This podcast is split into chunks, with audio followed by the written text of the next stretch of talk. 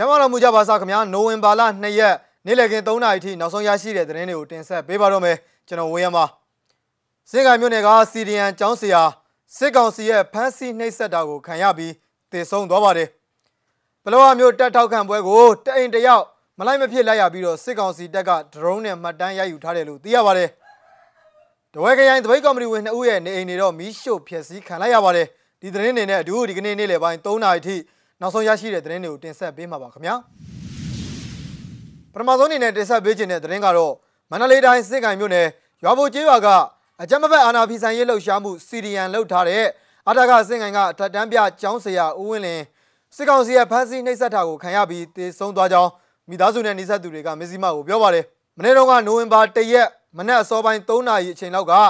ရွာဘိုကျေးရွာနဲ့ကလျက်ရှိတဲ့မြို့ကုန်းဖုန်ကြီးကျောင်းမှာတက်ဆွဲထားတဲ့စစ်ကောင်စီတပ်သား10ဦးလောက်က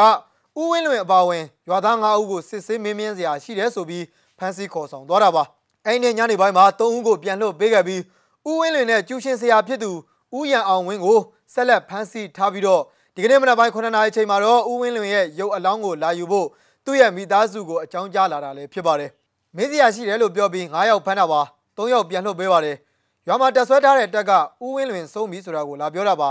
အလောင်းတော့မမြင်ရဘူးပေါ့ဗျာဒါပေမဲ့အဲ့လိုခေါ်ပြီးတော့ပြောလာတယ်အ လောင်းတယ်မယ်ဆိုတော့စင်ကင်မှာတကြိုလိုက်ပြီးပြောပြီးတော့ပြန်လွှတ်လိုက်တာ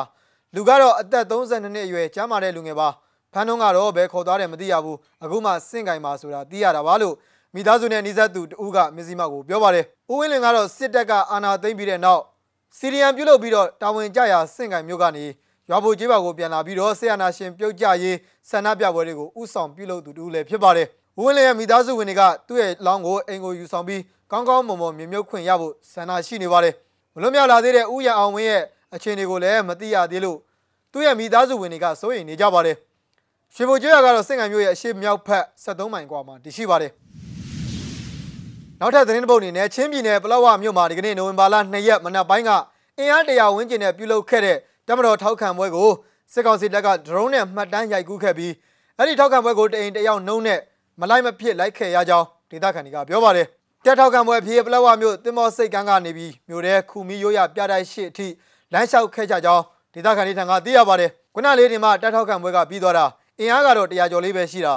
တိန်တယောက်အစည်းအဝေးတက်ရမယ်ဆိုပြီးဒီမနက်ပဲရက်ွက်အုပ်ချုပ်ရေးမှုကခေါ်လို့သွားကြတာဟိုရောက်တော့အစည်းအဝေးမဟုတ်ပဲအဲ့ဒီတက်ထောက်ခံပွဲမှာပါခိုင်းနေတဲ့ပြီးတော့ထောက်ခံပွဲတစ်လျှောက်လုံးလဲစစ်တပ်ကနေအပေါ်ကနေဒရုန်းနဲ့ရိုက်တယ်ကင်မရာတွေနဲ့လည်းသူတို့လိုက်ရိုက်ကြတယ်လို့တက်ထောက်ခံပွဲကနေပြန်လာသူတို့ကပြောပါတယ်အဲ့ဒီတက်ထောက်ခံပွဲမှာမတက်မနေရတိန်တယောက် လိုက်ခေါ်ထားတဲ့သူတွေဌာနဆိုင်ရာဝန်ထမ်းတွေစစ်ဖေးဆောင်စခန်းကစစ်ဆောင်နဲ့နေဆက်ဒေတာတိုင်းသားလူငယ်ဖွံ့ဖြိုးရေးတင်နန်းကျောင်းနာတာလာကကလေးငယ်တွေပါဝင်တယ်လို့သိရပါတယ်တက်ထောက်ခံပွဲမှာပါဝင်သူအများစုကတော့နာတာလာတင်နန်းကျောင်းကကလေးငယ်30ကျော်နဲ့ပြည်ခိုင်ဖြိုးပါတီဝင်အချို့ပါဝင်ပြီးတော့ဒေသခံချင်းလူငယ်အနေငယ်သာပါရှိကြောင်းသိရပါတယ်ခင်ဗျာနောက်ထပ်သတင်းတစ်ပုဒ်အနေနဲ့တနင်္လာရီတိုင်းတဝဲခရိုင်တပိတ်ကော်မတီဝင်2ဦးရဲ့နေအိမ်ကိုစစ်ကောင်စီတပ်ဖွဲ့ဝင်တွေကအကြမ်းဖက်ဝင်ရောက်ပြီးမီးရှို့ဖျက်ဆီးခဲ့တယ်လို့ ကော်မတီဝင်တဦးဖြစ်သူကိုမင်းလွင်ဦးရဲ့မိခင်ကိုလည်းဖမ်းဆီးခေါ်ဆောင်သွားကြောင်းသိရပါတယ်။နိုဝင်ဘာလ၁ရက်ည၈နာရီချိန်မှာစစ်ကောင်စီတပ်သားတွေကတဝဲခရိုင်လောင်းလုံးမြို့နယ်ပြင်းထိန်ကျေးရွာမှာရှိတဲ့တဝဲခရိုင်တပိတ်ကော်မတီဝင်ကိုမင်းလွင်ဦးရဲ့နေအိမ်ကိုအကြမ်းဖက်ဝင်ရောက်ခဲ့ပြီးနေအိမ်ကိုကိုမင်းလွင်ဦးမရှိတာအတွက်ကြောင့်သူ့ရဲ့မိခင်အသက်56နှစ်အရွယ်ဒေါ်ချိုတန်းကိုဖမ်းဆီးခေါ်ဆောင်သွားခဲ့ကြောင်းဒီမိုကရေစီလှုပ်ရှားမှုအရေးတပိတ်ကော်မတီတဝဲခရိုင်ကဆိုပါတယ်ကိုမင်းလွင်ဦးရဲ့နေအိမ်ကိုဝင်ရောက်စီးနင်းတဲ့အချိန် နေအိမ်မှာရှိတဲ့အသုံးဆောင်ပစ္စည်းတွေကိုဖျက်ဆီးသွားခဲ့တယ်လို့ကိုမင်းလွင်ဦးကတော့ဖေဖော်ဝါရီလ၁ရက်ဆေးရနာသိမ်းမှုမတိုင်မီကတည်းကအဲ့ဒီနေအိမ်မှာနေထိုင်တာမရှိတော့ကြောင်းဒေသခံတွေကပြောပါတယ်ဒီကနေ့နိုဝင်ဘာလ2ရက်မနက်ပိုင်းတနာရီလောက်ကလည်းစစ်ကောင်စီတပ်တွေကလောင်းလုံးမြို့နယ်စပြဲကျေးရွာအတွင်းမှာရှိတဲ့တဝဲခရိုင်တပိတ်ကော်မတီဝင်ကိုဝေယံစိုးရဲ့မိသားစုနေအိမ်ကိုဝင်ရောက်စီးနင်းပြီးမိရှုဖျက်ဆီးတာတွေပြုလုပ်ခဲ့သေးတယ်လို့သိရပါတယ်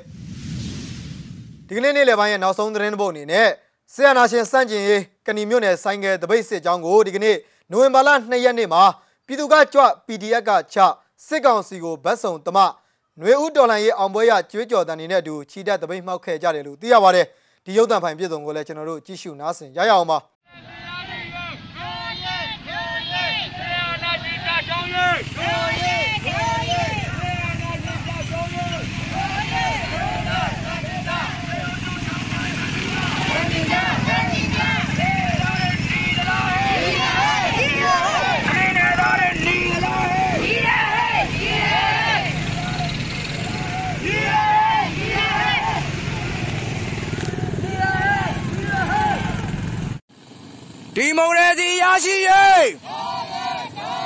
ဒီမိုကရေစီရရှိရေး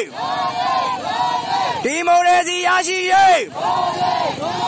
စေအာနာရှင်ကြရှုံးရေးစေအာနာရှင်ကြရှုံးရေးစေအာနာရှင်ကြရှုံးရေး NUG အစိုးရ NUG အစိုးရစေကောင်စီရဲ့တောက်တိုင်မှန်သမျှ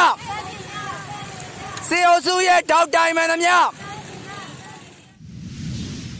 နိုဝင်ဘာလ2ရက်နေ့လည်ခင်း3နာရီထိနောက်ဆုံးရရှိခဲ့တဲ့သတင်းတွေကိုတင်ဆက်ပေးခဲ့တော့ပါမစ္စည်းမကိုစောင့်မျှော်ကြည့်ရှုအားပေးကြတဲ့ပြည်သက်အပေါင်းနဲ့မြန်မာပြည်သူပြည်သားပေါင်း COVID-19 ကပ်ရောဂါကကင်းဝေးကဆရာနာရှင်စနစ်ဆိုးလက်အောက်ကအမြန်ဆုံးလွတ်မြောက်ကြပါစေကြောင်းဆုမွန်ကောင်းတောင်းလိုက်ရပါတယ်ထူးခြားတဲ့သတင်းတွေနဲ့အတူကျွန်တော်တို့မကြခင်မှာပြန်လည်ဆုံတွေ့ကြပါမယ်ခင်ဗျာ